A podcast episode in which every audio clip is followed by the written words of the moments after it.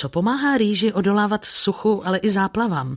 Jak rostliny reagují na dotyk? A jak se podařilo nalézt vzácnou bylinu, konkrétně v Ekvádoru? To jsou tři náměty, kterým věnujeme pozornost v dnešním pořadu vědců a herců. U mikrofonu je Martina Mašková. Laboratoř.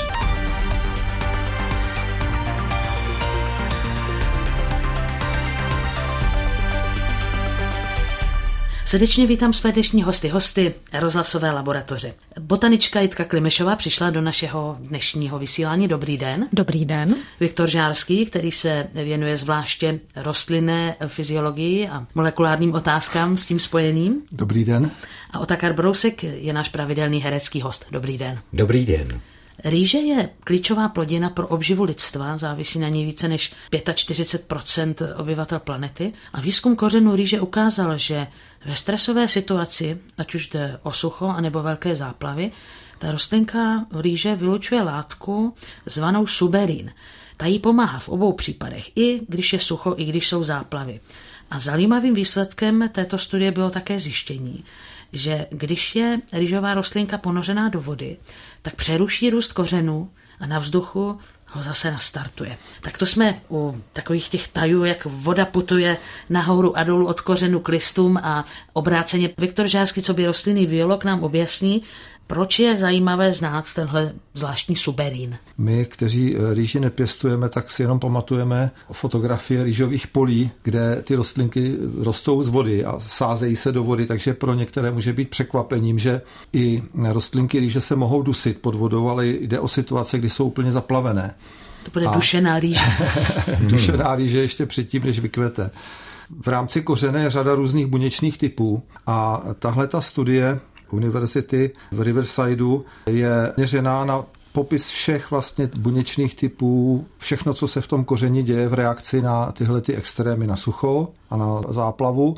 To jsou opravdu jevy, jejich frekvence se zvyšuje všude na světě. Takže je to paradoxní, ale potřeba mít rostliny, které odolávají jak suchu, neboli nedostatku vody, tak vlastně nadbytku vody. Musí to být stejná rostlina. Když je sucho, tak ta rostlinka potřebuje natáhnout z kořenu víc ano. vody, ale jestli má odkud. Existuje schopnost rostlin vlastně růst směrem k vodě. Většinou je to tak, že když je sucho, tak samozřejmě ten gradient vodní od toho sucha je od povrchu půdy do hloubky, takže docela logická reakce těch kořenů je, že rostou někam hlouběji, ale je to u různých typů rostlin různé. Je to, je to opravdu v závislosti na tom suchu a vlastně rostliny obecně, ať rostou i za obvyklých podmínek, tak mají takovou vrstvičku v kořenech, která zabraňuje zpětnému toku živin nebo vody a v ní rozpuštěných živin, které se říká endodermis. A tu se dostáváme k tomu suberínu, což je látka, ze které se skládá korek, a v té vrstvičce, o které mluvíme, o té takzvané endodermis, neboli vnitřní pokožce by se mohlo říci, tak je taková modifikace buněčné stěny, která přinutí Eh, vlastně transport vody a v ní rozpuštěných živin, který probíhá všemi možnými směry v buněčných stěnách i přes buňku, tak tady vlastně ten suberin vytvoří bariéru a přinutí ten transport, aby se transportovala všechen ten nerostok jenom uvnitř buněk. Přes buňky, jenom přes cytoplazmu. Tak to je taková specifická zátka. Otevíráme debatu o téhle studii. Čím zaujala Jitku Klimešovou? No, já, já se zabývám spíš těmi velkými adaptacemi rostlin, takže co udělá ta rostlina, aby na tu vodu dosáhla, přesně jako kam napřáhne ty kořeny. A my víme, že oni se různé růstové formy rostlin liší v té schopnosti produkovat třeba hluboké kořeny. Takže my můžeme už dopředu říct, že eh, na té poušti budou třeba spíš keře, které jsou celé velké a na tu průměrnou, hlodně hlubokou vodu si dosáhnou. Budou tam taky jednoletky, které naopak rostou krátce a ten kořenový systém mají maličký. Ale to je zase proto, že ty jsou závislé na nějakém krátkém období vlhka, které je jenom část sezóny a když to vlhko nepřijde, což se v poušti může stát, tak prostě nevyklíčí a čekají ty semínka, dokud té vody není dost, aby ty rostliny vyrostly. A ty si potom vystačí s malým kořenovým systémem, protože žijí tak krátkou dobu, že to stihnou třeba za dva, tři týdny, co vystačí vlhká půda po jednom dešti. No a teď, eh, kdybychom byli v situaci toho pěstitele rýže, nezávidím mu. No já jsem z toho byl úplně vyděšený, protože jsem si říkal, teď známe pole, rýžová pole, která jsou ponořená ve vodě. Já jsem si říkal, že ona potřebuje tu vodu, ale jenom do určitý vejšky teda, to jestli tomu rozumím. Ano, když se ponoří úplně, tak se začne dusit, protože rostliny nejenže mají fotosyntézu a vytvářejí kyslík, ale zvlášť kořeny spoustu kyslíku spotřebují. Ta spotřeba kyslíku v kořenech by mohla být možná až srovnatelná téměř se spotřebou kyslíku v nervových buňkách našich. Prostě velkou část kyslíku tomu, aby mohly fungovat tak, jak mají a proto taky my víme z našich pěstitelských nezdarů z domácností, že se takzvaně snadno kytka přilije, protože když se nalije do květináče moc vody, tak zabráníme přístupu vzduchu ke kořenům a udusí se. Právě tady je ovšem ten vtip eh, zase toho suberínu, který funguje nejenom v té endodermis, ale řada rostlin právě mokřadních třeba, které jako rostou ve vodě, rákosiny třeba, tak oni mají vždycky kořen zatopený ve vodě, takže oni musí mít adaptaci, která jim umožňuje přivádět vzduch, atmosféru přes celou rostlinu až do kořenů. A tu právě pomáhá takzvaná exodermis, vnější vlast pokožka, taky bývá modifikovaná tím suberínem. A ta vlastně izoluje ten eh, kořen, vnitřek toho kořene od vody. A uvnitř toho kořene jsou dutiny, které umožňují dopravu vzduchu vlastně z těch nadzemních částí do těch kořenů. Ten suberin tam vytváří jakési potrubí, které umožňuje výměnu plynů a existenci vůbec těch rostlin, které jsou mokřadní. To je zátka i potrubí. Ale je, mě teď napadlo, víte, jak vzniklo a jsme v rejži? Marco Polo, údajně, já to znám jenom takhle jako z doslechu, jako z druhé ruky, jo? ale Marco Polo to přivez, protože tady v Čechách to je blbost přeci a jsme v rejži. Oni tam pohřbívali do rejže. Hmm. Takže je to logický, že když se někdo ocitne v nějaké patové situaci, a řekne, a jsme v rejži, no tak doslova a do písmene jsme v rejži, oni ho tam potopili, nešel k němu vzduch, on se rozložil, vyživil tu rejži, která potom vyrostla a tu jsme snědli už, no. Takový koloběh. Ono se zdá, že jsme tak trochu v rejži v té situaci klimatické změny, protože i o té je zmínka té naší studii, že tedy ten suberin pomáhá v téhle záležitosti. Pomáhá opravdu udržovat architekturu té rostliny, on vlastně má podobnou funkci jako lignin, spevňuje ty buněčné stěny a umožňuje průchodnost eh, těch důležitých spojnic mezi kořenem a nadzemní části rostliny a výměnu plynu. Ta studie je opravdu komplexní. Tam zdaleka nejde jenom o suberin, například právě ta zástava buněčného dělení se týká regulace buněčného cyklu a zase to souvisí s tím, že ten kořen, aby měl dost energie, tak potřebuje vzduch, potřebuje kyslík, mitochondrie, dýchání a když to nemá, tak vlastně ani nemá ATP na to, aby rostl. A tam je opravdu přímý dopad na regulaci buněčného cyklu, že se zastaví buněčné dělení, kořen přestává růst a když se tam ten kyslík dostane a zase tam naběhne tvorba energie, tak se to zase dá do pohybu a zase to roste. To je takový neopren jako? Ano, v podstatě vlastně, je to vlastně, částečně. Jestli si to dokážu ano. představit jako neopren a a počkáme, ano. já mám bombu a čekám pod tou hladinou, až zase klesne a můžu se nadechnout. Ano. Ano, ano. Je vidět, že všichni potřebujeme energii. Viktor Žáský použil ten pojem ATP, čili ta zásoba energie pro rostlinku, tak nejenom my lidé, ale i rostliny. Všichni potřebují ATP. A to takže hned. Jenom ATP. zajímavé je, že při tom pobytu pod hladinou, kdy vlastně nemůžeme dýchat, tak eh, u všech organismů tam běhne glykolíza, protože nemůže běžet dýchání, tak se náhradně získává energie rozkládáním cukrů a hromadí se tam alkohol, al, naskočí alkohol dehydrogenázy například. Takže tam je taková obecná metabolická reakce na tu takzvanou anoxii. Ten nedostatek kyslíku se odborně nazývá anoxie a když funguje správně ta eh, suberinizace těch buněčných stěn v endodermis a v exodermis, tak k ní nedochází. Tohle nemá jen tady, že? To mají i jiné rostliny a myslím, že oni, jestli si to dobře pamatuju ze začátku mé kariéry, kdy jsem dělala pokusy právě se zaplavováním rostlin, které jsou u nás, tedy ne rýže, oni třeba přežijí to zaplavení, ale pak o ně stejně přijdete protože oni potřebují opravit to, co tam napáchal ten nedostatek kyslíku a to třeba nezvládnou. Takže vy si myslíte, jak to dopadlo dobře, to přelítí přežili, ale vlastně ta mortalita přijde později, že ty rostliny vlastně tam mají problémy se potom s tím vyrovnat. Tak to mě těší, že jsme v dnešní laboratoři dostali i rady pro pěstování květin. Děkuji za to. Posloucháte Laboratoř, pořad vědců a herců.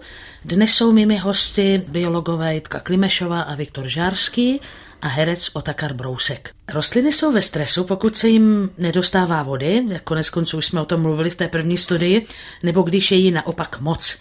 Obranný systém se spouští i v situacích, kdy se rostlin dotkneme my nebo třeba zvířata, kdy s nimi cloumá vítr nebo déšť. Vědci ze švédského Lundu na tradiční pokusné rostlince huseničku rolním zkoumali, co se v takové situaci děje na molekulární úrovni a odhalili tři dosud neznámé bílkoviny, které se odpovědi účastní. Zaujalo mě, když jsem četla jako detailně tady o tom článku, že hlavní autor téhle studie se zabývá také velmi starou zemědělskou metodou starých Japonců, kteří se šlapávali zrna hospodářských plodin, aby zlepšili úrodu. Takže ten dotyk, náš dotyk rostliny nebo dotyk zvířat a podobně je docela zásadní věc pro rostlinu, která se nemůže hýbat. Určitě. Podává informaci, co se děje, že jo. Jestli se blíží nějaký herbivor, to je dost důležitá informace, on se může jenom tak otřít. Nebo dupání housenky po listu, prý jako rostlina vnímá a vys, začne vysílat signály pozor herbivor. No, samozřejmě botanici se taky rostlin dotýkají, třeba opakovaně, třeba každý rok přijdou na louku a tu svoji rostlinu jdou změřit. Ona na to taky reaguje, tak to už nejsou tak spokojení. Ono to má své tedy fyziologické aspekty, že? No tak víme, že když šlapeme na trávník, tak samozřejmě ta tráva roste hůř, jo. Ale ono je to tak, že na horách, když fouká vítr, tak ty stromečky, které tam vidíme zakreslé, tak vlastně zase ten zakreslý růst je spolu způsobený tím působením větru, tou neustálou mechanickou stimulací.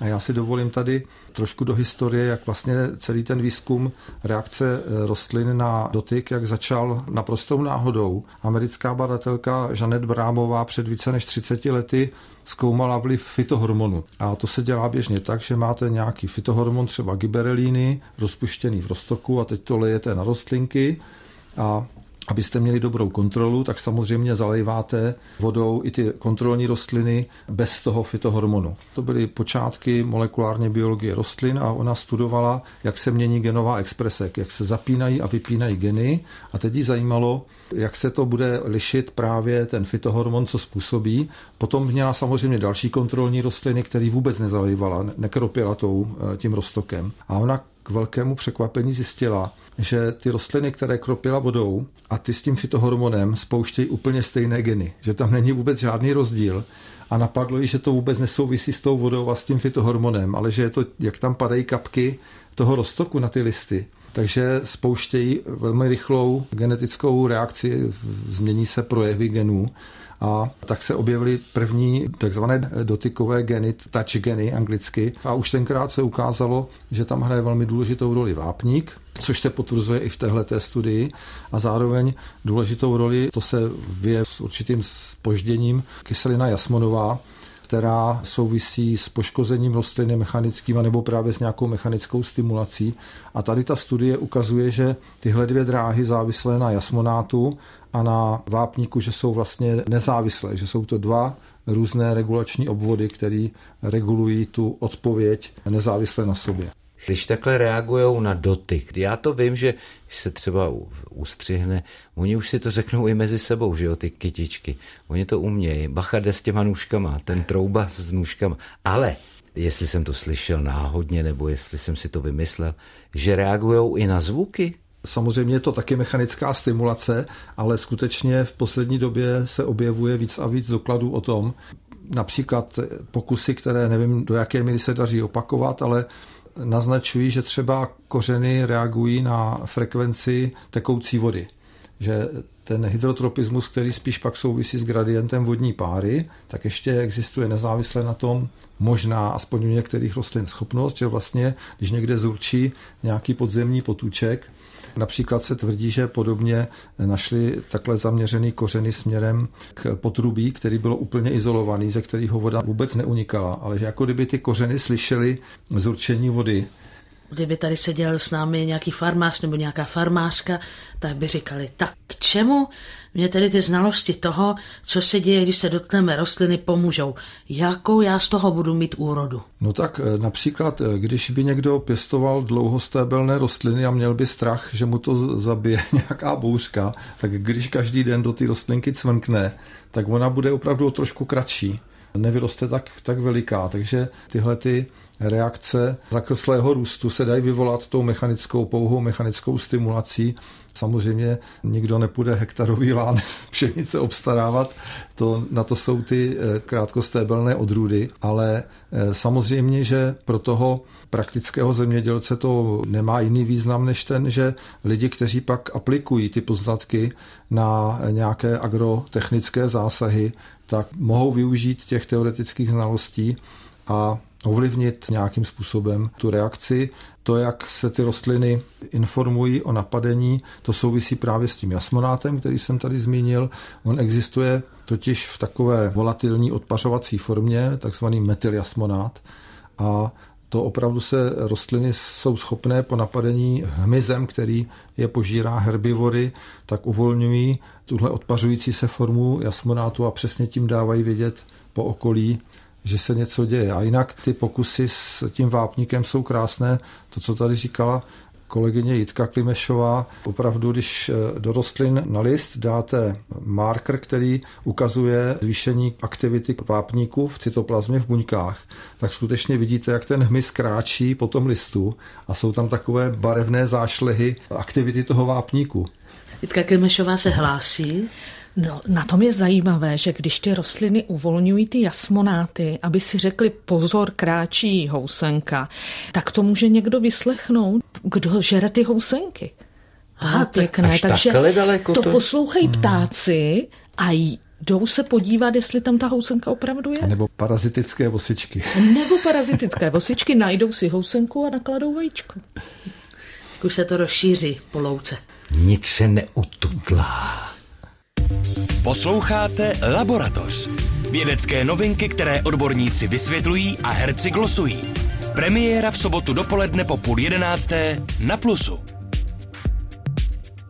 A mými hosty, hosty Rozasové laboratoře, jsou dnes odborníci na rostliny Jitka Klimešová a Viktor Žárský a náš pravidelný herecký host Otakar Brousek. V tropickém lese západního Ekvádoru se mezinárodnímu týmu botaniků podařilo po 40 letech spatřit bylinu s tajemným názvem Gasteranthus extinctus. Ten název extinctus, tedy to druhové jméno, evokuje, že vyhynula. A také členové expedice se domnívali, že tu rostlinu s výrazně oranžovými květy a zvláštním vakem pro opilovače už neuvidí. Ale našli ji první den výpravy, přestože v té oblasti probíhalo a probíhá intenzivní kácení. Proč je zajímavé o téhle rostlince mluvit z pohledu mých vědeckých hostů? Jice Klimešové dám slovo na úvod, protože Jižní Ameriku osobně poznala. No, mně se ta, ten příběh té rostliny moc líbil. Já jsem vděčná za vytáhnutí této studie, protože je to krásný příběh o tom, jak ty vědci jsou nadšení tím, že, že by tu rostlinu snad mohli najít. Oni teda napřed pátrali, jak dneska je možné vyvěšovat fotografie zajímavých rostlin a nálezy, amatéry, pátrali po těchto webových stránkách, jestli náhodou ji třeba někdo neviděl. Nenašli vůbec nic, vydali se, měli vytipovaná území.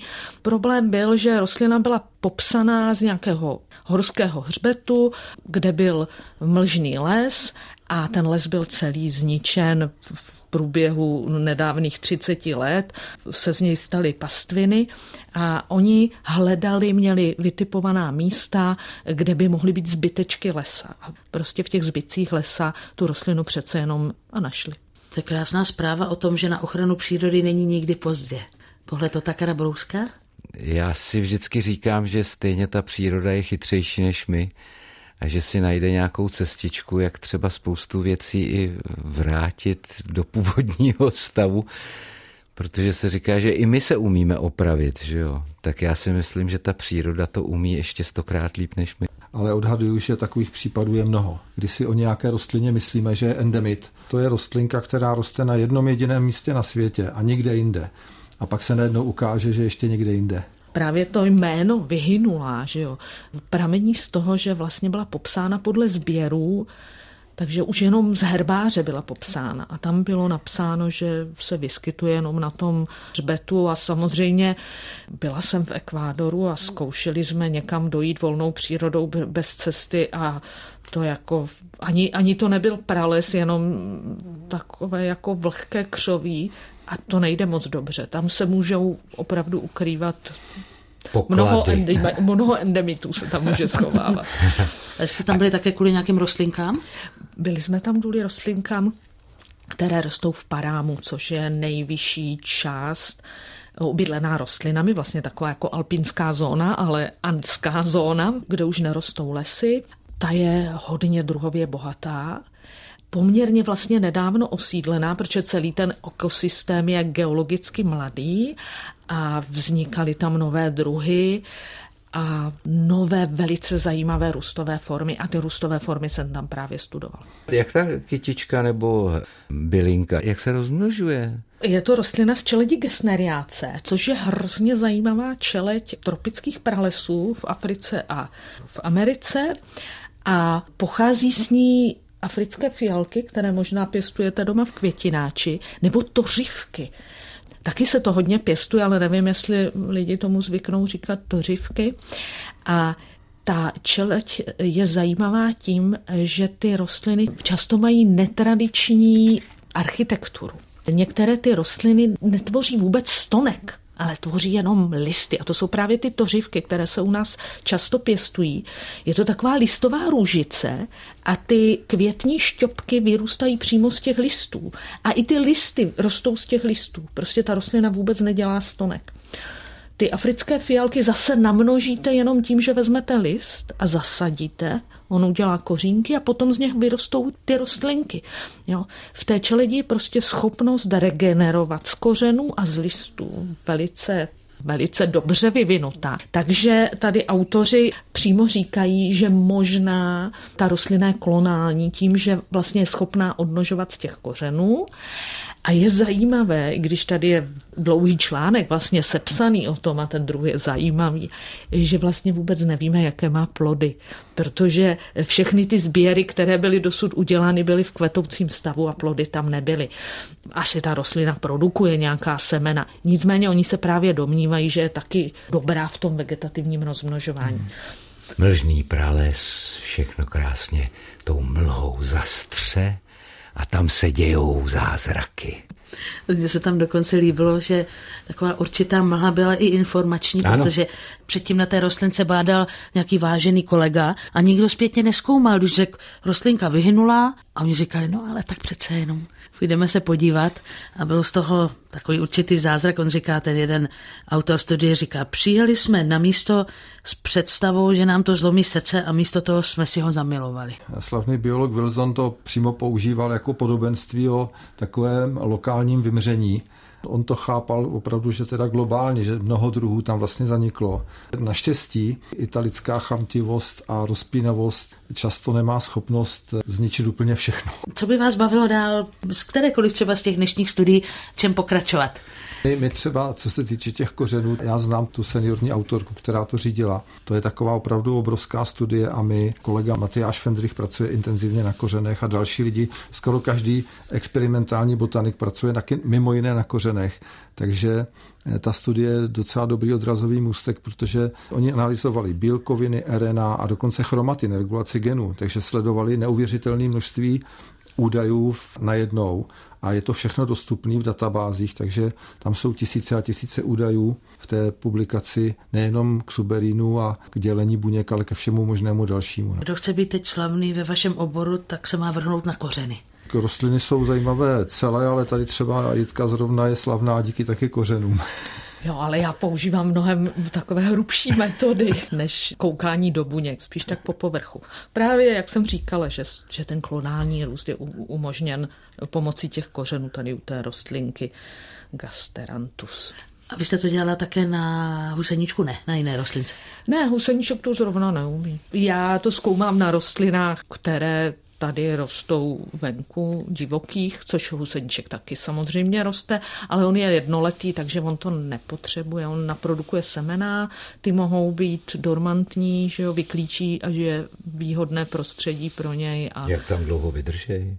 No čím je ta kytka krátkověčejší, tím více spolehá na banku semen, jako na pojistku, jako na banku opravdu, takže rekordy jsou hodně tisíc let, ale stovka let je úplně normální u našich plevelů. To je hezký. Nevím, jestli plevelům, ale teda našim rostlinkám přejeme aby měli stále bohatou banku semen a děkuji moc odborníkům, kteří se účastnili té dnešní naší debaty a vykládali nám ty zbrusunové studie o rostlinách, o Jice Klimešové. Děkuji za pozvání a Viktoru Žárskému. Také děkuji za pozvání. A herci Otakaru Brouskovi, že se účastnil té naší diskuse a přispěl do ní. Přeji hezký den. Martina Mašková děkuje vám všem posluchačům, kteří jste nás poslouchali, věnovali jste nám pozornost. K tomuto pořadu se můžete vrátit buď na stránkách plusrozhlas.cz nebo v podcastových aplikacích.